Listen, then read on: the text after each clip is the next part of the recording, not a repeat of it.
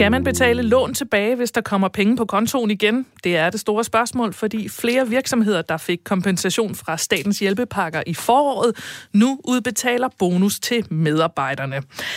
Og så skal vi tale om grønne afgifter, for hvordan sammensætter man egentlig gode klimaafgifter, og hvad vil vi kunder egentlig betale for i klimaets navn? Det og meget mere kommer vi omkring i dag her i Selskabet på Radio 4. Programmet, hvor vi går tæt på ugens store erhvervshistorier med udgangspunkt i de mennesker, der gør en forskel i dansk erhvervsliv, med hjælp fra et par af dem, der kender erhvervslivet indefra. Jeg hedder Mie Rasmussen, jeg er journalist og selvstændig kommunikationsrådgiver, og i studiet som altid medvært Jens Christian Hansen. Pænt goddag. Goddag. Du er journalist og mange i erhvervskommentator, øh, og jeg præsenterer også lige ugens øh, to paneldeltagere i studiet. Velkommen til dig, Joachim Sperling.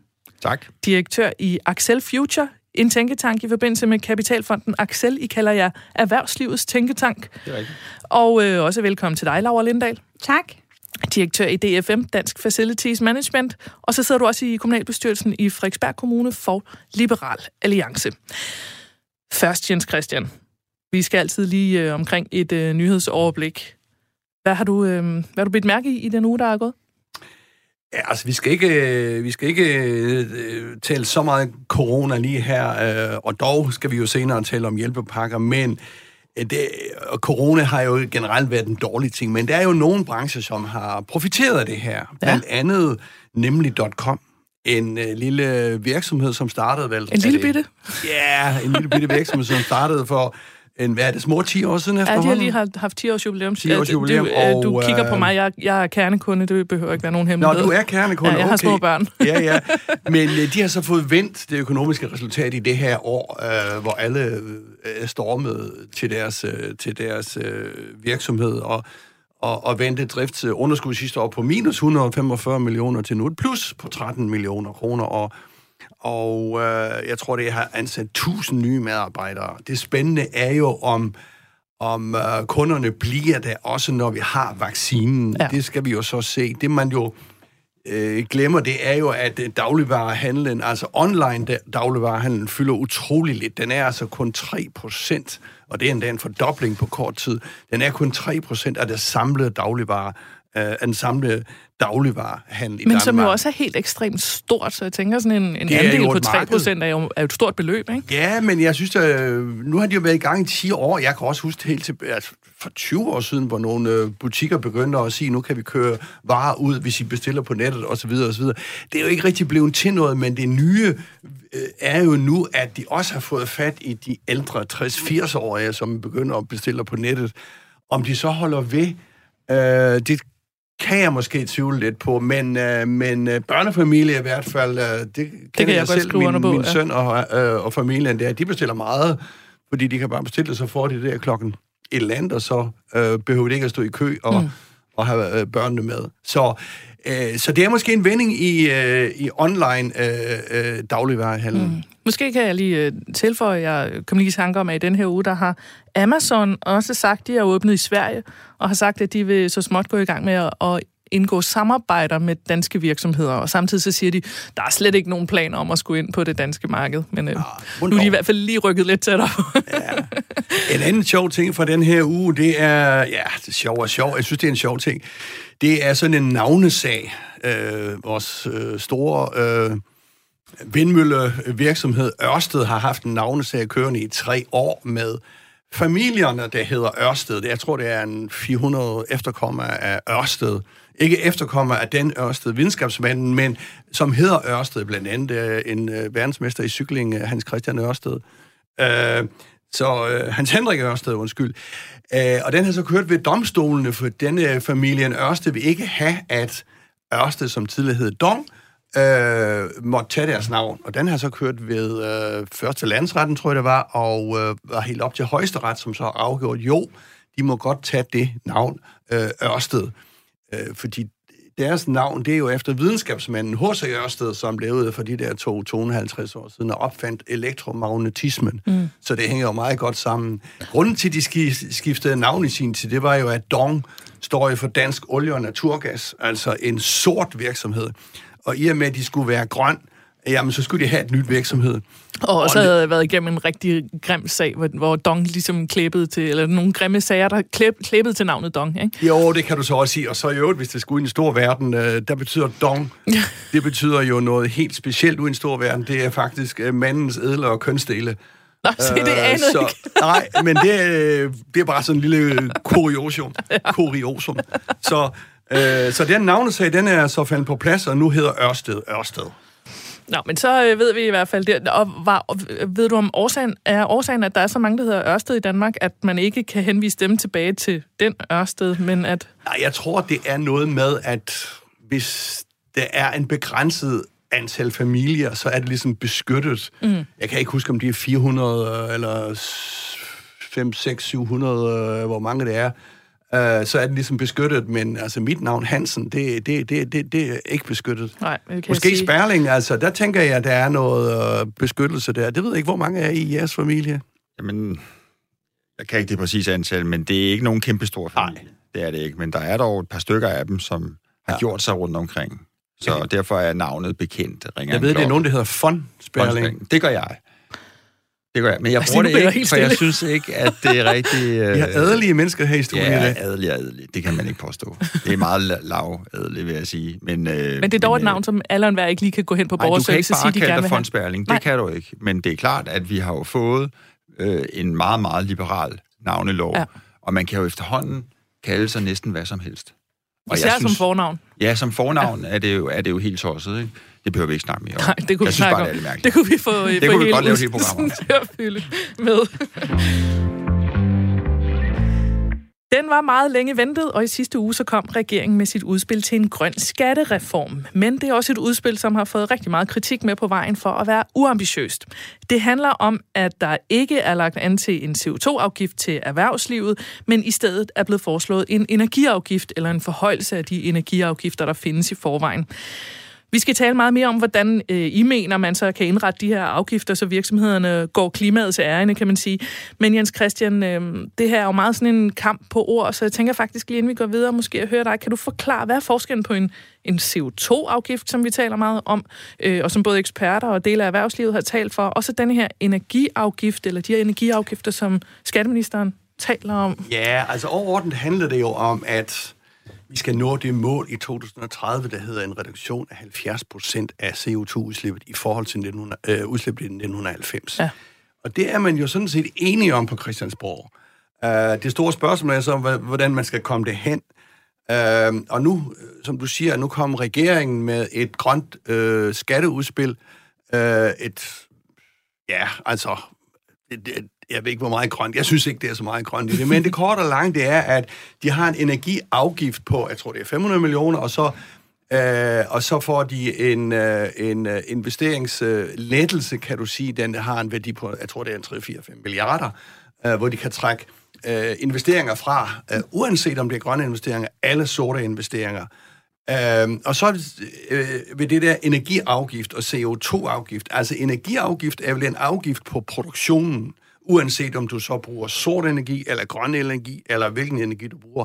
CO2-afgift, det er jo, at du betaler en afgift for den belastning af miljøet. Det er sådan i meget korte træk, det det handler om. Så jeg skal lige sådan have skåret det helt ud i pap. Det vil sige, at man får afgiftslettelser, hvis man laver nye investeringer, altså udvikler virksomheden i en eller anden særlig retning, ny teknologi eller så videre, så videre. Og så samtidig så skal man betale yderligere afgifter for hver gang man for eksempel bruger benzin, øh, olie, sådan Ja, nogle ting. ja, ja. Øhm, øh, men, men man får så hvad skal man sige, man får lidt rabat på at omlægge til grøn produktion, men man får en højere afgift i den periode, man fortsætter med at være en sort virksomhed, indtil man når derhen, mm. eller noget i den retning. Ja, altså nu er det kun et forslag, og, øh, og øh, jeg ved ikke lige, hvad det ender med. Altså, jeg synes, det ser lidt ud til, at øh, Socialdemokratiet, øh, regeringen, de bakker lidt her. Mm.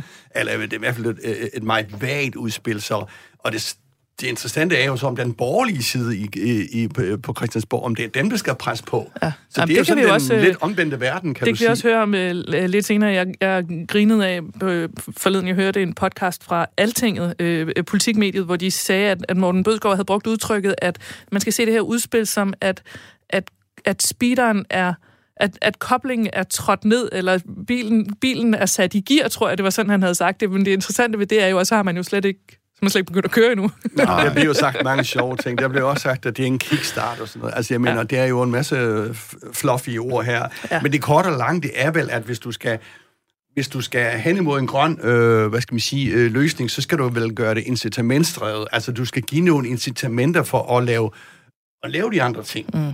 Men øh. måske skal vi så høre jer, Laura og, og Joachim. Altså, det er jo selvfølgelig meget komplekst, det her at forholde sig til, men, men CO2-afgifter, er det, er det vejen frem?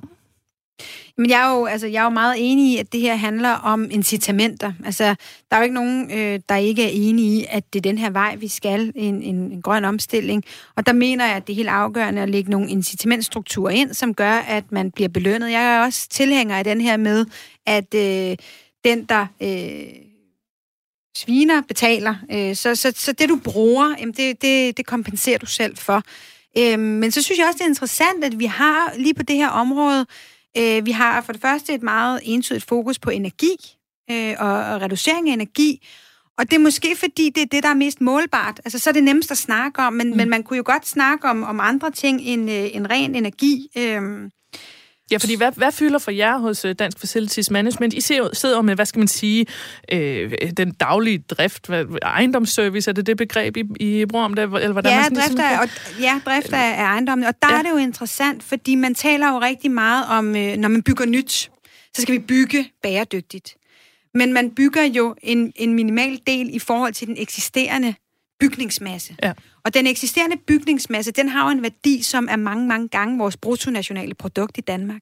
Så hvis man som, som stat startede med at sige, lad os kigge på vores egen bygningsmasse, mm. hvordan kan vi energieffektivisere den, så ligger der et kæmpe besparelsespotentiale.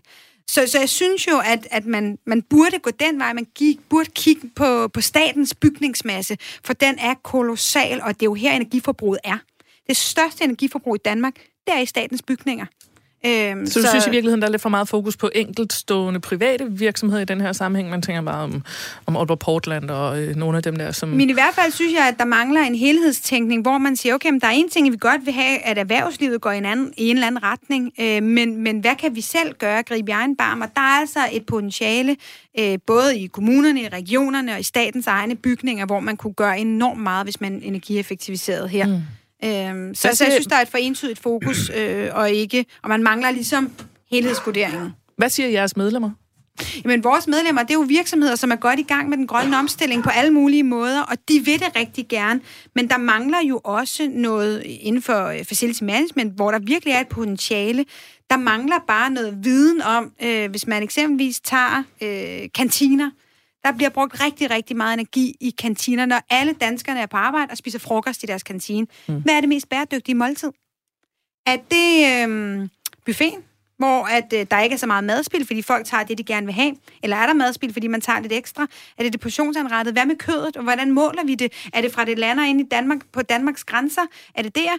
Øhm, og hvad, hvad med hele bæredygtighed i et bredere øh, perspektiv, økologi i forhold til konventionel og sådan noget? Altså, der mangler simpelthen noget viden og, om ja. det. Man kunne også kigge på øh, service. Hvor bæredygtigt er det at bruge porcelæn og putte det i opvaskemaskinen versus at bruge noget øh, øh, nedbrydeligt, bionedbrydeligt plast, som du genanvender efter hver gang. Vi ved det ikke, så der mangler altså også noget forskning i, i forhold til, øh, driften og på, på facility management Og derfor du generelt. siger, det, det, der er ekstrem fokus på den her energiudledning. Ikke? Øh, øh Joachim, I øh, sidder jo i tænketanken og regner rigtig meget på det her, går jeg ud fra. Altså den, ja, her, CO, nu, den her ordkamp mellem energiafgifter eller CO2-afgifter, altså CO2-afgiften, som, som Dansk Industri blandt andet også har talt for, er det, er det vejen frem, som I ser det? Ja, men den kan ikke stå alene. Altså en CO2-afgift, øh, Klimarådet har jo foreslået en CO2-afgift ja. på, på 1.500 kroner ton CO2, og faktisk kom øh, regeringen med en analyse i den her uge, som viste, at det vil give proveny på 14 milliarder, så skulle man tilbageføre 12 milliarder. Det er ret store beløb. Så det er øh, det første problem, regeringen har, det er, at øh, hvis den skal lave, og det er det, der er problemet med 70%-målet, det er, at det er mange store ændringer rent politisk set, som Folketinget slet ikke er vant til at håndtere på så kort tid, man skal gennemføre fordi det er en kæmpe øh, omstilling af danske virksomheder, men også øh, os som forbrugere. Vi skal jo også omstille os, fordi cirka halvdelen af det endelige energiforbrug, det er jo faktisk forbrugerne. Virksomhederne står for den anden halvdel. Mm. Så er der hele landbrug. Det er lidt en diskussion for sig. Ja, den ligger lidt, men, lidt men, for sig, kan jeg også forstå Men selve det der med at håndtere det politisk, men også i skatsystemer, Altså, vi har jo set med, øh, med boligvurderinger og alt muligt forskellige gældsinddrivelser og andet, at skat har mange problemer med deres øh, systemer. Alligevel får man opkrævet 1100 milliarder kroner om året, så man kan godt.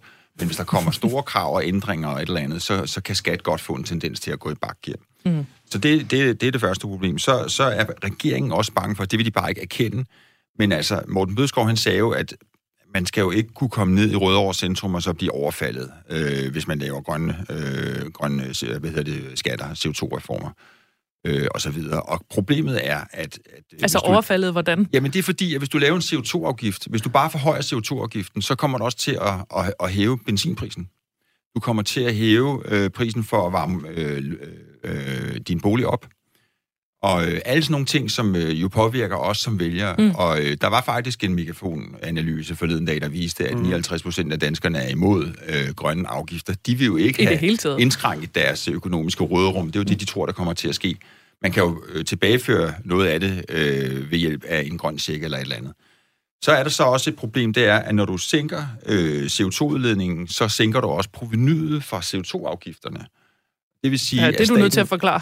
Ja, men det er jo problemet er, at hvis du, hvis du nu siger, nu laver vi en CO2-afgift, det er sådan, at I, I alt indbringer energiafgifter med videre afgifter på biler omkring 70 milliarder kroner. Det er øh, 6-7 procent af det samlede øh, offentlige øh, øh, regnskab, eller mm. de penge, de får ind.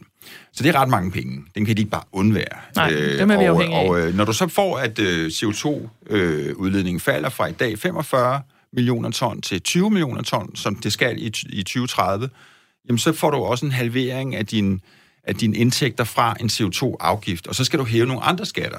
Og det kan de heller ikke lide, fordi hvad skal det så være for nogle skatter? Og det er også derfor, at hele det der bilspørgsmål med elbiler er så ja, sindssygt er, svært at blive enige om. Det er meget kompliceret, ikke? Ikke? Ja. Og, og du er bare nødt til at skabe nogle forudsigelige rammer for både øh, forbrugere og for virksomheder.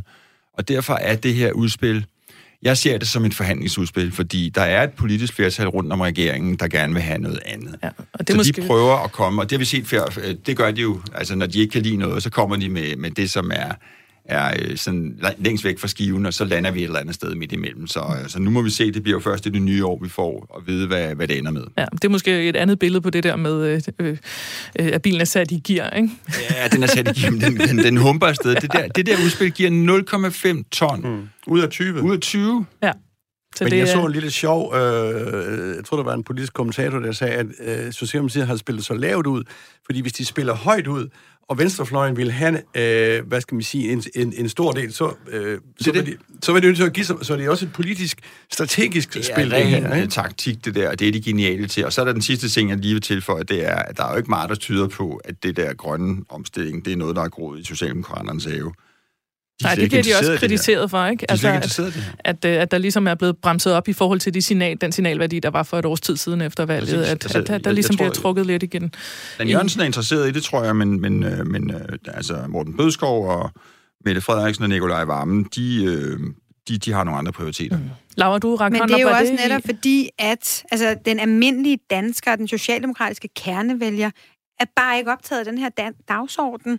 Øhm, og, og det er jo bare den analyse, der ligger for de, for de politikere, der at sige, men det her er ikke vores kernevælgere. De bliver ramt på pengepunkten af de her initiativer, og vi vil sådan set hellere bruge pengene, for det koster penge. Mm. Hvis man vil sænke øh, afgifterne på, på de, de gode ting, jamen så kommer det til at koste penge, hvis man omlægger. Og, og de penge vil en socialdemokrat meget hellere bruge på flere sosoer og flere pædagoger og alle de ting, øh, som, som den almindelige dansker kan mærke derude. Og det er det, vi kan høre fra dem, når de kommer med konkrete eksempler. SF har sagt, øh, det må ikke koste så meget at flyve, at en sosu ikke har råd til at flyve til Mallorca en gang om året. Øh, og S siger, at øh, den her elbilsreform, det må ikke betyde, at en familie ikke har råd til at have to biler. Altså, der er sådan nogle, øh, sådan nogle billeder på, hvordan det ikke skal være, i hvert fald øh, set fra deres side. Jens Christian, nu ja, men du rammer jo også ind i noget, som man er nødt til at tage med her, altså en social, hvad skal man sige, hvordan det socialt hænger sammen. Vi mm. har jo de gule veste i Frankrig, og dem kan man mene meget om. Men det er jo... Altså, der lavede de demonstrationer er, for et års tid siden. Ja, ja, og det kører jo stadigvæk. Ja. Altså, det er jo udtryk for en frustration øh, i den nederste del af befolkningen. Uh. Ikke? Altså, det er jo typisk de laveste indkomster, som kører længst for, øh, efter deres arbejde. Øh, og hvis du så lægger øh, øger benzinafgiften, øh, ikke, så øh, jamen så er det jo dem, der skal betale det meste af det. Ja. Så de har jo en point, der synes jeg, de gule veste. Nu er det nok mere dramatisk i Frankrig, end det bliver herhjemme. Men, men, men det er jo noget med, man skal indtænke den der sociale dimension, kan du sige. Men det var vel også det, som Mette Frederiksen prøvede i sin differentiering af ryge, altså cigaretafgifter. Der prøvede hun jo faktisk at sige, vi kommer med en differentieret model. Og det er sådan lidt svært at se for sig i praksis, fordi så ved vi godt, hvem man sender ned efter smøger. Ja, hvis det er, øh, men, så, så det dur nok ikke i praksis, men det var jo netop for at prøve at sige, vi kan godt se, vi vil ikke have de, de unge til at starte med at ryge, men vi forstår også godt, at der sidder nogen på 60-65 plus, som har råd hele deres liv. Det er måske ikke dem, vi skal øh, gøre det dyrt for what to do. Og det, det er, er måske heller ikke der, vi kan vinde så meget på folkesundheden, hvis vi endelig skal gå ind i det, fordi de har råd så mange år. Øhm, men øhm, øh, det jeg egentlig tænkte at høre til, Laura, nu har du også siddet på Christiansborg, øh, og vi talte meget om det der med partierne, der trækker i, øh, i forskellige retninger. Altså, vi kan jo ikke komme udenom, at det er politikerne, der der på et eller andet tidspunkt i hvert fald skal træffe nogle beslutninger her og finde en løsning. Men, men hvor skal det... Hvor skal, altså, er der fortilfælde egentlig for, at man træffer nogle politiske beslutninger, som strider imod det, befolkningen vil, når de ikke vil øh, slippe for at undgå en flytur, eller ikke vil betale mere for hakket oksekød, eller ja, ja, whatever. det er altså, der jo masser af fortilfælde øh, for. Øhm, et op... Efterlønsreformen er vel et godt eksempel. Ja, præcis. Den, ja, præcis. Den, den, den, den var der ikke så stor folkelig opbakning til. Øh, at man øh, tog folks efterløn. Det var meget, meget upopulært. Og det var også det, der kostede regeringen under, under Torning øh, ret meget, og, og det er jo faktisk det, der gør, at vi får Arne, fordi at ja. øh, altså, det er gammel gæld, der bliver indfriet her. Mm. Øh, altså da man, tog, øh, da man tog nogle af de der øh, goder der, som folk havde vendt. Men det siger vel også noget om, hvor meget der er på spil, ikke? Altså at skulle træffe sådan en beslutning om, at nu hæver vi for eksempel prisen på oksekød med 15 procent fra i dag til i morgen. Men det er politisk mod, og det er jo det, der er svært. Øh, og, og man kan sige, det bliver nemmere for en socialdemokratisk regering, som står stærkt i meningsmålingerne, så tør man lidt mere, når man ikke er presset, og man kan se, at man, man har fremgang.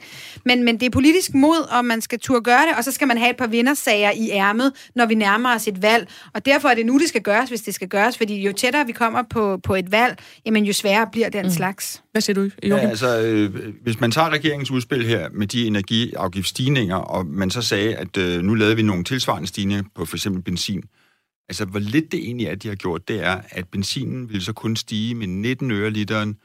For to år siden kostede den 12 kroner literen, nu koster den 11, så der, det er almindelig ugenlig udsving, vi taler om her frem mod 2025, de ingen gang vil gennemføre. Axel Future har faktisk regnet ud, at hvis man skal lave en 70% fortrængning, det vil man godt kunne, så skal benzinen stige med 5 kroner literen, literen faktisk. Øhm, altså frem mod 2030? Frem mod 2030. Så kan vi godt fortrænge 70 procent i transportsektoren. Det tror vi nok ikke mange er interesseret i. Mm. Men altså, inden man kommer for godt i gang med alt det der power så skal man bare vide, at det koster milliarder og atter milliarder. Og hvis du tager øh, landbruget, bare lige her til sidst, så skal et kilo oksekød hakket oksekød stige fra, lad os bare sige, du kan få det for 40 kroner kilo. Det kan man jo desværre nogle steder. Ja, kon- konventionelt øh, i hvert fald, så, ikke? Så skulle det stige øh, til 60 kroner, altså 20 kroner kiloet. Øh, i, øh, oveni på oksekød. Og det er jo det, der er mange mennesker, der synes er fuldstændig uoverstigeligt, det, det, ikke? Det kan de slet ikke have. Nej, øh, men kan jeg få jeres bud på øh, her til sidst, øh, hvis der skal træffes sådan en politisk beslutning, hvor skal den så komme fra? Altså nu nævnte ja. vi, hvad SF mener, og S, der kun lige sætter bilen i gear. Altså, Jamen, samtidig kom... har vi jo erhvervslivet og de borgerlige, som faktisk oh, gerne vil det grønne. Og det er jo derfor, vi har politikere, uh, Laura var lidt inde på det, altså alle særinteresser melder deres ønsker ind, og så har du altså Christiansborg, uh, som skal træffe, uh, hvad skal man sige, en beslutning, der ligesom er overordnet for godt for samfundet. Altså, jeg tror også, Joachim, du nævnte lige kort den der megafonundersøgelse, der havde været her for nylig. Alle siger ja til en grøn omstilling. Ingen vil betale for det. Altså, øh, kommer der lidt på benzin, øh, øh, mælk og oksekød, så siger de, nej, det vil vi ikke betale. Og det hænger jo ikke sammen. Der er vi jo dobbeltmoralske alle sammen, og sådan er det jo.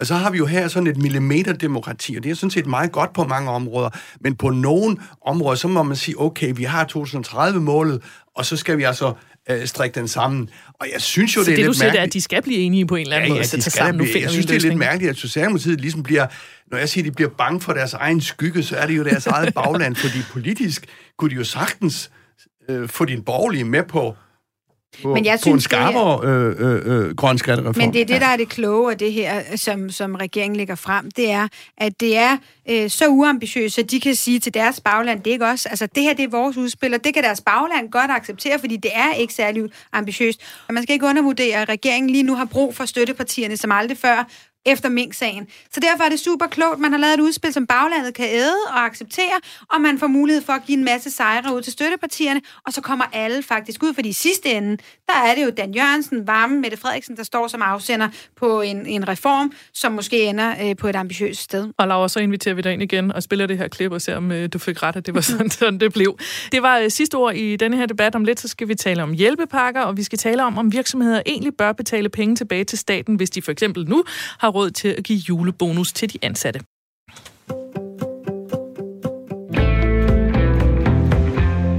Vi er i gang med selskabet på Radio 4, hvor vi ser på ugens store erhvervshistorier og de mennesker, der gør en forskel i dansk erhvervsliv. Jeg hedder Mi Rasmussen. I studiet har vi min faste medvært, erhvervskommentator Jens Christian Hansen. Og med i studiet har vi også paneldeltagerne i dag, Joachim Sperling, direktør i Tænketanken Tænketanken Axel Future, og Laura Lindahl, direktør i DFM Dansk Facilities Management, og også sidder i øh, kommunalbestyrelsen i Frederiksberg Kommune for Liberal Alliance. De ansatte i den danske tøjkoncern DK Company, det er dem, der har blandt andet Martinique, Saint-Tropez, Inwear-mærkerne. Det er, øh, så vidt jeg ved, den næststørste tøjkoncern i Danmark efter bestseller. Alle de ansatte der har netop fået 20 procent i bonus i forbindelse med deres novemberløn. Og det er jo dejligt, og øh, DK Company de har brugt 10 millioner kroner på den bonus, skriver Finans.dk. Men debatten den er samtidig jo begyndt at rulle, fordi DK Company var et af de, en af de mange virksomheder, der i foråret fik del i statens hjælpepakker. De fik lønkompensation, og de har endnu ikke taget stilling til, om pengene de skal betales tilbage. Og samme historie gør sig faktisk gældende i Store Danfoss. Her får de ansat, ansatte en noget mindre bonus, og øh, Danfoss pressechef siger til Ekstrabladet, at man samtidig dog ikke har planer om at betale de 68 millioner kroner, man fik tilbage til staten. Det her er jo en meget særlig situation, Jens Christian, øh, fordi skal man betale lånte penge tilbage, som man har fået af staten, når skuden så er vendt, og det ser lysere ud igen. Øh, Ekstrabladet har jo også omtalt denne her sag med, med Danfoss, og i mediesammenhæng, så, øh, så ved jeg, at det er sådan noget, man godt kan finde på at kalde en forarver i gåseøjne. Altså, er du forarvet? Nej, det, øh, det er jeg faktisk ikke. Altså, jeg mener ikke, det er lånte penge. Altså, vi har en situation her tidligere på året, hvor der var krise, øh, og var man, øh, alle virksomheder, store som små, skulle hjælpes igen mm. øh, øh, en periode. At de så har gjort det godt øh, alligevel, øh, jamen det er jo kun godt. Øh, jeg synes ikke, øh, jeg synes ikke, man øh, skal udskammes, fordi man ikke betaler tilbage. Altså, jeg mener, det har været et tilskud. Jeg mener ikke, det er lånte penge, jo. Det er jo, øh, mindre man har snydt, men så er vi over den kriminelle, og det er jo ikke det, vi snakker om Nej, her. det er der også nogen, der bliver dømt for, ikke? Jo, jo, jo, jo. Altså, vi kan jo alle sammen huske også, der bestseller øh, øh, krævede øh, at fordele i, hjælpepakkerne, der var det i marts, april, eller hvornår det var. Og øh, så siger jeg, at manden har jo øh, 30 milliarder kroner på bogen, eller hvor meget han nu havde der, ikke? Altså, jeg mener, du har en virksomhed, og den er i krise. Øh, den blev lukket ned, totalt lukket ned af i marts-april, og så siger staten, jamen vi vil godt give nogle tilskud til for eksempel øh, kontorhold og, og, og sende folk hjem, men ikke at fyre dem. Så det var jo en samfunds opgave at få det her igennem. Så mm. nej, jeg mener ikke, de skal betale, uh, de er jo velkommen til at betale tilbage, men jeg mener ikke, at de uh, behøver at udføre sådan samfundssindsmæssigt uh, hensyn og betale tilbage. Nej, men det handler vel også om os alle sammen, hvordan vi, vi viser samfundssind i forhold til vores økonomi i denne her sammenhæng. Jo, altså vi er privatborgere, altså jeg tror ikke, der er mange, øh, hvad skal man sige, øh, øh, private skatteborgere, der siger, jeg har faktisk ikke brug for det der befordringsfradrag. Jeg kører godt nok fra Kalundborg ind hver dag, og kan få et stort fradrag, men jeg behøver det ikke. Nej. Sådan er vi jo ikke. Nej, altså, det er altså, nok aldrig Vi har sket. nogle love, og jeg er da med på virksomheder, for eksempel, som jeg har talt meget hårdt om tidligere, der sådan tilrettelægger sig skattemæssigt øh, Øh, øh, i, i, i skattely-lande og laver nogle konstruktioner, så de kan øh, betale 0% i skat. Det dur selvfølgelig heller ikke. Men her er vi igen en, en samfundsmæssig svær situation, som, øh, som vi ikke har set før, og, øh, og der har man så staten som øh, en rund hånd til at hjælpe igen, og det er jo også godt for staten, at de er kommet igennem. Altså, og, og, og undgå nogle, nogle fyringer, ikke? Øhm, og ret skal være ret, øh, DK Company her har faktisk også fyret en del medarbejdere. Øhm, Joachim og Laura, er det en, er det en forarversag for jer?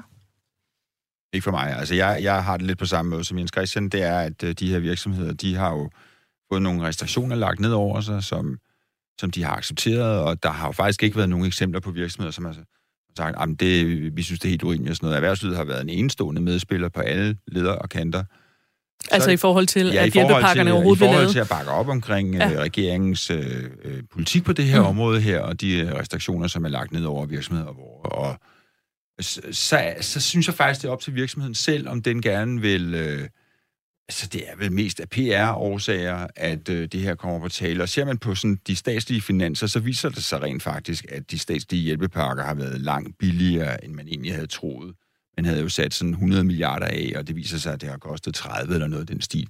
Og de penge, der eventuelt kunne være i spil, som kunne blive betalt tilbage, det er jo meget, meget små beløb i forhold til sådan det samlede store billede øh, af, hvordan det tegner sig. Så det er jo ikke noget, der kan ændre nogen ting, men det kan selvfølgelig godt gøre, at nogen vil føle, at øh, det er også retfærdigt, at de betaler det tilbage, og det er også for dårligt, hvis man kan sige, når man de der har betalt, nu har medarbejderne fået pengene i stedet for, så er de bare givet pengene til medarbejderne. Det er jo sådan, man vil tænke. Mm. Øhm, men, øh, men jeg synes, det er en forkert måde at stille det op, og jeg synes, det vil have uoverskuelige følger, hvis regeringen kom med sådan nogle udmeldinger om øh, hjælpepakker, og bagefter så øh, nærmest øh, forlangte, at man betalte tilbage. Altså, øh, det synes jeg, det er, det er noget mærkeligt noget. Øh. Jeg er helt på linje med, øh, med det, fordi at, altså, det er netop ikke lånte penge, og netop det der, når vi begynder at være erhvervslivets moralske vogter over, hvad skal de i forhold til samfundssind, altså det er, det er virksomheder, de har et formål, det er at tjene penge. Og øh, når der så bliver lagt restriktioner ned over dem, som gør, at de kan udfolde deres erhverv, som de egentlig øh, gør, og, øh, og regeringen og staten så vælger at sige, det kompenserer vi jer for, øh, at vi nedlægger de her restriktioner over jer, jamen så er det jo vilkårene, man opererer under, og derudover har man så frit, frie rammer til det overskud, man så øh, genererer øh, og bruger dem på, øh, på sine medarbejdere. Og man skal heller ikke undervurdere, hvor vigtigt det er for virksomhederne fremadrettet, at, at de tager sig af medarbejderne, fordi det er øh, hjemmearbejde har været hårdt for rigtig mange mennesker. Nogle fungerer super godt i det, og der har det været mega fedt. Og der er nogen, hvor det har været rigtig, rigtig svært. Øhm, så, øh, så jeg synes, at jeg er på ingen måde farvet over det her. Jeg tror i virkeligheden, vi skal passe rigtig meget på med, at når der bliver lavet hjælpepakker, hvad end det er til banker og alt muligt andet, at vi så bagefter som stat påkalder os retten til at blande os i måden, de driver virksomhed på. Men det, det synes her, jeg er et skråplan. Det her handler vel heller ikke så meget om staten, der blander sig. Det er vel mere sådan, nu, nu nævner jeg for eksempel også Ekstrabladet, der går ind i det, og netop med den der forarvervinkel. Altså, og som selv får øh, mediestøtte, jo. Ja, det, det, det, det er sådan en helt anden, anden snak. men, men jeg tror både, at, at man skal passe på med at blande sig, som, selvfølgelig som stat og regering, men sådan set også som den her folkedomstol. Mm. Øh, virksomhederne må drive deres virksomhed, som, som de mener er bedst. Og man giver dem nogle hjælpepakker, fordi de, man kompenserer for nogle restriktioner, man pålægger dem, øh, og så er den sådan set ikke længere for mig. Man kan vel også sige, at hvis man sammenligner med Danske Bank, som jo fik, øh, altså blandt andet Danske Bank, men også andre banker, fik jo nogle, øh, det kan man også godt kalde hjælpepakker, altså mm. man kalde det for bankpakker 1-5. Øh, og dem lavede man jo for at bevare det finansielle system i Danmark. Så sagde man jo bagefter, at på grund af, at de havde fået de her hjælpepakker her, så vil vi også gerne stille nogle krav til, øh, til de forskellige banker her under navnet Danske Bank. Og det er måske lidt noget andet, fordi der var der vel en berettiget tvivl om, om det var noget, som var selvforskyldt, eller om det var noget, der var påført udefra. Og der kan man vel også sige, at der har Danske Bank jo virkelig fået for hatte, på hattepullen øh, sidenhen, mm. ikke? og nu har de jo udskiftet ledelsen, jeg ved ikke hvor mange gange, og har fået en bestyrelsesformand, som er tidligere departementchef, og som ikke ved ret meget om bankdrift så kan man spørge sig selv, om det er bedre, at øh, man prøver at leve op til offentlighedens øh, forventninger, og så på den måde ødelægger sin egen forretning og får nogle folk ind, som dybest set ikke helt ved, hvad de har med at gøre. Men, men det, som, det, som jeg også hører jer sige, er, at den, den helt store forskel her er, om man taler om et lån fra staten, om man opfatter det som et lån fra staten, eller som du siger, Laura, det er en kompensation for noget, nogle, nogle udefra kommende faktorer, som staten indfører på vores samfund. Øh, ja, jeg synes, det er det sidste. Altså, ja. Jeg mener ikke, det er lånte penge. Altså, det er for at komme igen med en periode, men vi er jo egentlig noget meget spændende her samfundssind. uh, hvad er det i grunden? Og uh, jeg synes, man skal betragte den her corona-hjælpepakke som noget ekstraordinært, og uh, som jeg ser det, som jeg lige har sagt, så synes jeg ikke skal betale tilbage. Men når det er sagt, så synes jeg, det er godt, at virksomhederne melder sig ind i den debat, det hedder samfundssinds debatten, hvis man kan kalde det sådan, uh, hvor de tidligere har stået ude på sidelinjen og, og sagt, øh, vi skal bare tjene penge, og så er det sådan fuldstændig ligegyldigt, hvordan det øvrige samfund øh, fungerer. Sådan er det bare ikke mere, og alle har jo også skrevet store forkromede CSR og øh, øh, hvad de hedder alt sammen, også om miljøet, ikke? Altså, så det er godt, vi får virksomhederne med ind på generelt at snakke om samfundssind, og hvad det er godt for det her Danmark, for hvad det er godt for Danmark, er også godt for virksomhederne og vice versa. Laura? Ja, og der er, vi, der er vi så nok en lille smule uenige, fordi at, øh, altså jeg synes jo ikke, at virksomhederne skal lave store forkromede CSR-planer, og jeg synes jo, at virksomhederne skal gøre det, de vil, og så er det forbrugerne, der skal skrotte de virksomheder, som ikke udviser samfundssind. Øhm, og der kan man selvfølgelig godt fra et forbrugerperspektiv bruge en CSR-rapport som et PR-stunt, som et markedsføringstiltag, som gør, at man tiltrækker nogle forbrugere og nogle kunder. Øh, og det er sådan set helt fair. Men, men, men jeg tror jo dybest set, det er det, det handler om. Når man øh, udviser samfundssind, så er det jo fordi, at det er en led i en, en konkurrence, som kører derude, og man gør det for at overleve, man gør det for at tiltrække kunder. Øh, at det så også er godt øh, for samfundet og for alle mulige andre bundlinjer, det er fint. Men in the end of the day, så handler det for virksomheder om at tjene penge, og så gør de whatever it takes. Måske en grøn rapport, måske et CSR-initiativ, måske man donerer noget til nogen... Øh, øh, udlandet, øh, fattige lande, andet, men det handler i bund og grund om at tjene penge, øh, og det synes jeg også, det skal. Men i den her sammenhæng, der er, er netop det der med at sende de rigtige signaler og øge sin brandværdi, der er vel et dårligt signal i, at man giver bonus til nogle medarbejdere, hvis man har fået, nu siger jeg dårligt signal, men i hvert fald en mindre, mindre øh, øh, gloværdigt signal i, at man har fået penge tidligere på året, og så øser ud af dem til øh, blandt andet medarbejdere nu. Ja, det synes jeg sådan set måske Nej. ikke. Altså, men det er jo...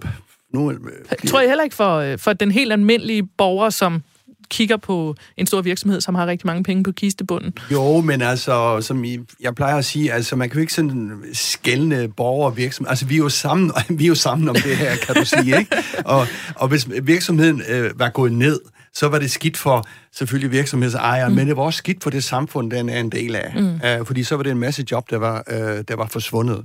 Uh, nu Øh, øh, hvad skal man sige, staten lukker ned på grund af udefrakommende ting, og øh, øh, hvad skal man sige, forretningsdagen bliver fu- fuldstændig forskellig fra team til team næsten. Mm. Øh, og så laver man nogle kompensationer for ligesom at klare dem igen, og nogen er så klarer sig rigtig godt igen, og det er jo rigtig godt.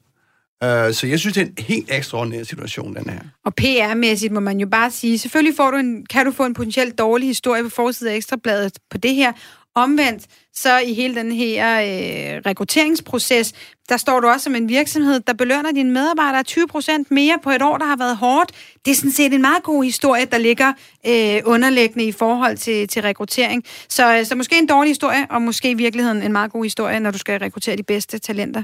Det sidste, jeg lige vil høre med denne her sammenhæng, det er, at jeg har lagt mærke til, at der er flere virksomheder, virksomhedsejere for tiden, der deltager i debatten, fordi det lægger dem meget på sinde at være, hvad skal man sige, uafhængige og ikke stå i en, i en offerrolle. Jeg tænker, at den, den her debat, den taler vel ned i sådan et meget fundamentalt dilemma, som vi ikke har oplevet før. Altså det der med som, som virksomhed, hvordan håndterer man det at få penge fra staten i virkeligheden, og så samtidig altså opretholde den værdi, man har i befolkningen. Det er der ikke nogen, der egentlig er interesseret i. Nej. De fleste virksomheder vil gerne kunne stå på egne ben.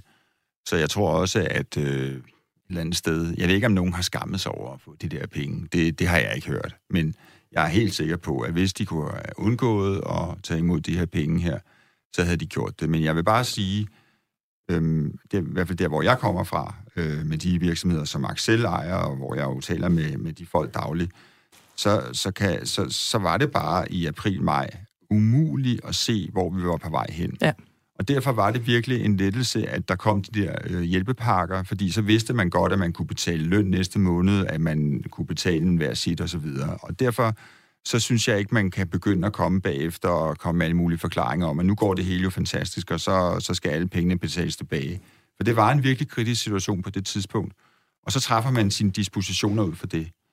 Øhm, så, øh, så, så ja, altså de fleste vil, jeg tror næsten alle, helst ville have været fri for at modtage pengene, men øh, situationen var bare ikke til det. Og som en god sløjfe på øh, debatten kan jeg også sige, at der er over 1300 danske virksomheder, der faktisk har betalt øh, hjælpepakker tilbage, og der er flere kommer til. Øh, samlet set gælder det halvanden procent af de over 24 milliarder kroner, der blev pumpet ud i erhvervslivet i løbet af i år. I hver udsendelse tegner vi et portræt af en person, der spiller en stor rolle for eller i dansk erhvervsliv, og i dag skal I høre en lydbid med en mand, øh, som de fleste danskere kender. Øh, klippet her, det handler om, hvorfor han sidste år investerer en stor sum penge i at istandsætte den café, der hedder Dan Tyrell i Indre København, i et forsøg på at gøre den til det ikon, som caféen var i 70'erne og 80'erne. Der er selvfølgelig tale om pengemand, investor, debattør, en mand med mange titler, Lars Seier Christensen. Jeg bor i Schweiz som kendt, men jeg kommer en, en hel del til Danmark, og, øh, og der har jeg ikke rigtig noget hjem, kan man sige. Jeg, har, jeg bor på Hotel Angleterre typisk, eller et af de andre hoteller, men, øh, men typisk på Angleterre, og øh, nogle gange, når du sidder der i Sweden, og vi har set TV-avisen eller sådan noget, ikke, så sidder du og tænker, skal vi lige ud og have, have en lille en, ikke? Og der er bare, altså der er jo masser af gode steder i København, det er slet ikke dem. Der er bare ikke et sted, der sådan ligesom, det er rart at have et stamværtshus på en eller anden måde, ikke? Og det, det har jeg ikke rigtig haft. Og så ved man jo det, hvis man ikke har et stamværtshus, så laver man et selv. Det gør man i hvert fald, hvis man hedder Lars Seier Christensen. Her var det en bid fra et interview med øh, Københavnermediet Copenhagen Sundays øh, sidste år, øh, som man i øvrigt kan høre på eller se på YouTube, hvis man har lyst til det. Jens Christian, øh, han siger selv her, at han er vant til at se tv-avisen i Sweden på Dangleterre, og det, det kender vi jo godt alle sammen. Hvordan var det, Lars Seier Christensen egentlig kom ind på lystavlen i Dansk Erhvervsliv? Ja, først øh, og fremmest så er Lars Seier jo øh, en person, der deler vandene. Øh, han deler i den grad vandene, og jeg vil næsten sige så meget, at hvis han ikke fandtes, så måtte man opfinde ham, øh, uanset om man kan lide ham eller ej, fordi han, han skaber så meget øh, liv omkring sig, så øh, både på en øh, god måde og en dårlig måde. Jamen, øh, Lars Seier Christensen, han øh, dukkede frem fra overfladen øh, med Saxo Bank. Denne specialbank, det er faktisk en IT-specialbank, hvor man handler meget valuta osv. osv. Øh, og for nu at gøre det kort, øh, så tror jeg, ham og sin partner Kim Fonek gik lidt træt af hinanden der for fem år siden, øh, hvor, hvor øh, Lars Seier, han jo bragede frem med Liberal Alliance, støtten til Liberal Alliance, og øh, en mening om alt øh, og alle, mens øh, Kim Fonek Uh, han havde en, en helt anderledes tilbagetroende rolle om at koncentrere sig om Saxo Bank.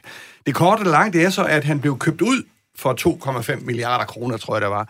Og siden, jamen så har han jo øh, øh, øh, bevæget sig rundt som en fisk i vandet øh, øh, fra Schweiz. Han flyttede ud på grund af skatten. Jeg tror også, han sagde, det var på grund af skatten. Men har jo gjort alle sine, stort set alle sine forretninger i Danmark, så ja. han må jo stadigvæk elske det her lille land. ja, fordi øhm. jeg, jeg, tror, jeg tror, jeg stødte på ham, ja, selvfølgelig i forbindelse med Saxo Bank, men jeg synes, jeg, jeg tror, jeg stødte på ham i forbindelse med noget Bjarne Ries cykelhold, øh, Saxo Ja, ja, ja, men han har, jo, øh, han har jo så sin formue på de der, lad os sige, 2,5 milliard øh, kroner, de er så placeret... Øh, Øh, dem har han så travlt med at, at placere. Han handler en del valuta stadigvæk, tror nok, han tjener en del penge på. Men han har haft nogle investeringer, som har været ret dårlige. Han har mm. købt sig ind i parken, øh, altså som jo har fodboldklubben. Der tror jeg, han gav omkring 200 millioner kroner, og der har han der forløbet tabt 50 på. Han har været inde i kasse Jesper, ham øh, smukke øh, ja. filosofen derude. Ja. på Vestegnen. ja. som, øh, som trækker et, et hav af retssager ja, efter sig. Ja, som, øh, hvor han måske også tabte, øh, lad os sige, 50 millioner. Så var han i en, en Newsday uh, hotelportal, et minus på 30-40 øh, millioner kroner. Og så har han været inde i cykelholdet, mm. øh, Bjarne Rises øh, cykelhold, øh, og, som han heller og, ikke som de lige har lukket, øh, og vel også tabt en 30-40 millioner. De kunne simpelthen ikke få sponsorer, og det fortæller noget om, også om Lars Seier. Han er ikke vældig i de etablerede kredse i dansk erhvervsliv. Fordi, øh, og det er grunden til, at de ikke kunne finde sponsorer. Nå. Altså, der er ikke nogen, det vil... Øh, det er jo ikke noget af det etablerede erhvervsliv, det vil være sammen med Lars Seier. De og, og når du siger det etablerede erhvervsliv, hvem er det så? Det er så de store, gamle fa- familievirksomheder. Det er familievirksomhederne. Velux ja. og hvad de nu hedder alle sammen der. Ja. De kan ikke leve med at være uh, og forbindes med Lars Seier. Hvorfor ikke det? Uh, fordi han er, hvad skal man sige, uh, han er sådan et, et, et voldsomt uh, provokerende holdningsmenneske.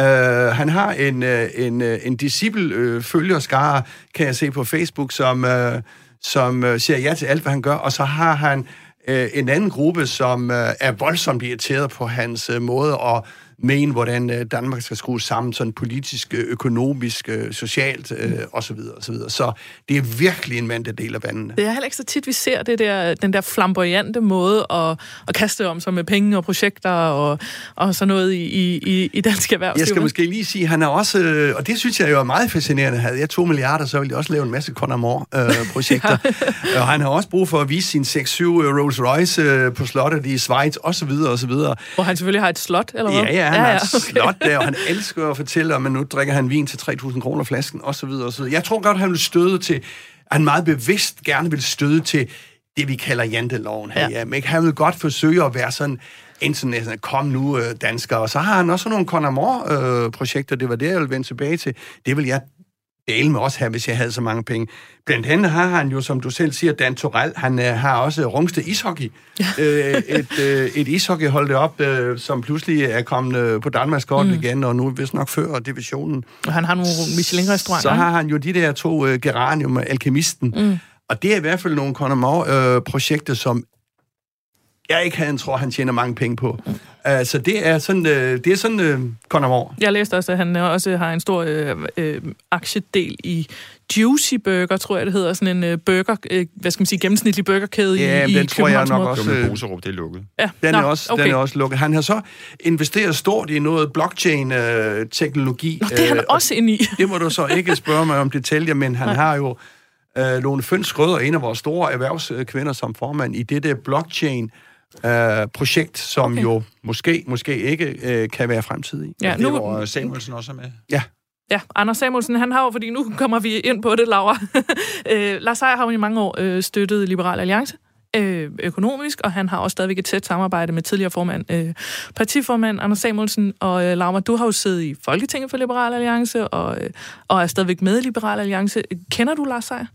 Ja, altså jeg har jo mødt øh, Lars Seier i, i flere, forskellige, flere forskellige lejligheder. Og jeg kender ham jo ikke sådan personligt, men har, har sludret med ham og, øh, og fulgt ham i årene, øh, og deler opfattelsen af, at han er en mand, der, der, der deler vandene. Jeg kan personligt rigtig godt lide det der med, at han ikke bukker øh, hovedet. Altså han, han dukker ikke nakken, han stiller sig op og siger, jeg har gjort det hamrende godt. Jeg har mm. tjent rigtig mange penge på at være dygtig arbejdet, de fleste, der, der fulgte ham, ved også, at han startede i en etværelseslejlighed i London og har arbejdet sig opad.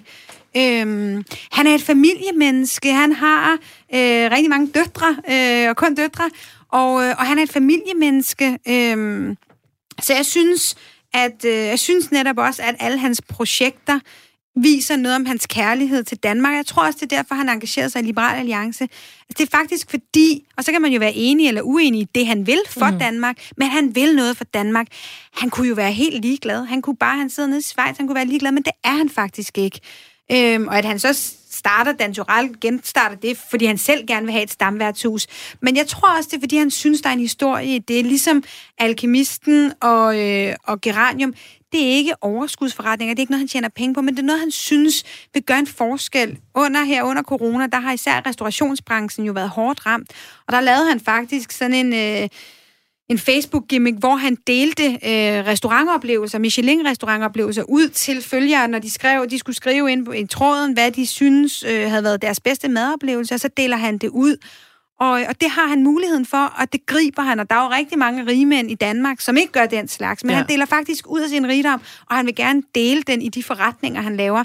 Og det, det synes jeg er beundringsværdigt. Joachim, jeg tænkte lige at høre dig ad. Øh, øh, som Laura også siger, han er jo også meget en, en aktiv samfundsdebattør, og han, godt nok bor han i Schweiz, men, men så han betaler jo ikke, ikke særlig mange skattekroner, og slet ikke nogen i Danmark. Øh, men han blander sig, og han har blandt andet talt om, øh, om at han mener, der bør indføres borgerløn i Danmark på et tidspunkt. Øh, og han har jo sådan lidt en, en tyngde som samfundsdebattør. Synes du godt, han kan have en tyngde som samfundsdebattør, når man bor i Schweiz? Jeg følger ikke så meget med i, hvad han mener om noget. Øh, jeg synes ikke, øh, han tilfører debatten øh, noget specielt øh, politisk set. Så du er ikke så begejstret over ham alligevel? Ja, men jeg ved ikke, altså det er jo, så kan jeg lige så godt høre på Cepos og sådan noget. Der, hvor han er interessant, er, at han har valgt at bruge sine penge på, øh, på nogle ting, som, øh, som ingen andre kunne finde på at gøre. Mm. Og, øh, og det er for eksempel øh, Alchemist og, øh, og Geranium, øh, som er to af, af de restauranter, som er flottest i, i Norden. Mm øh, så har han i stand sat øh, Dan Tyrell. Det, det, det undrer mig lidt, fordi jeg ved godt, at, at Dan Tyrell var et rigtig godt sted i, i 80'erne, navne og 90'erne. Men det var på Måske skal vi lige sige for folk, der ikke har været ja, der før, det, det, er sådan det, ret, det, det, hvad skal man sige, almindelig Ja, det er en café i Stor som, ja. som ikke er almindelig, altså fordi den var øh, sådan et øh, samlingssted for sådan nogen som øh, F.P. Schack og, og øh, Michael Strunge og så nogle af de der klassiske 80'er-typer, som der var i København. Kultureliten. Kultureliten, mm. det kan du sige, og Dan Tyrell selv selvfølgelig. Og, og stedet havde noget, som det ikke har i dag, nemlig det, man kan kalde patina. Altså det er det der slid, der kommer af, at folk sidder derinde og ryger og drikker og snakker og gør ved. Nu har man ligesom prøvet at genskabe det, og det er også fint nok, men jeg ved ikke rigtig, om, om, om jeg tror på, at man kan gøre det, øh, og så få det til at blive til en succes. Men han gør også nogle gakkede ting, og, og det er da sjovt. Og så synes jeg også, at i FCK, nu følger jeg også meget med i fodbold, og tidligere i hvert fald kom jeg meget ind i, i parken. Det er blevet lidt for gammelt, så synes jeg, nu gider jeg ikke mere. nu er det også blevet lidt kedeligt. Øh, men øh, FCK har jo savnet øh, sådan en person, øh, siden Don Ø forlod, forlod klubben. Så har vi jo manglet sådan en, en flamboyant øh, person, der ligesom kunne tegne klubben. Nu er ja. det bare sådan nogle... Sådan en brællerøv. Ja. som tegner den, ikke? Altså, nu har de fået en jysk træner og en jysk uh, sportschef. Og så, så rolig nu. Ja, jamen, det er vi er meget utilfredse med, det der. Og så heldigvis har vi da Lars Seier, men altså, jeg synes bare heller ikke, øh, da de skulle fyre Ståle, at de ting, han sagde, det, det, var, det var ikke helt skarpt. Det var jeg ikke tilfreds med. Så du er ikke sådan helt op at ringe? Nej, men, øh... jeg, er sådan, jeg er sådan lidt blandet med ham, fordi jeg synes, noget af det, han gør, det er meget sjovt, men jeg synes også, at, at han får meget taletid, vil jeg sige. Jens Christian, måske skal du lige runde debatten af om, øh, om Lars Seier Christensen? Ja, det kan måske. Altså, med, altså vi starter med at sige, at han deler vandene. Og øh, jeg ved, det er mange, der har det lidt stramt med, at han sidder nede i Schweiz og har sådan en færdigstrikket øh, mening om, hvordan det danske samfund skal skrues sammen, mm. og hele tiden fremhæve det Schweiz. Jeg er sikker på, at det schweiziske samfund er fantastisk, og vi kan lære meget af. Men nogle gange så lyder det som om, at øh, det, Danmark er en ren bananrepublik. Øh, men, Hvis man først altså, har lært det schweiziske at leve og bo, hvorhen i verden de vil, øh, synes jeg. Øh, og de må også mene noget om Danmark, men man skal så bare... Jeg ved, det er mange øh, etablerede erhvervsliv, som jeg siger, som, øh, som, som har dem også topchefer, som øh, har det stramt med, at han sidder dernede og, og øh, på sin øh, grønne gren og øh, øh har en totalt færdigstrikket hans mening om, hvordan det skal skrues sammen. Men jeg beder også mærke i, at du sagde, at hvis, hvis han ikke var kommet af sig selv, der havde, så havde der været nødt til at være nogen, der opfandt ham, fordi han er en character. Det var alt, vi fik tid for øh, tid til i dag. Tak til vores gæster, Joachim Sperling, direktør i Axel Future. Tak til Laura Lindahl, direktør i DFM. Og Jens Christian, tak for i dag.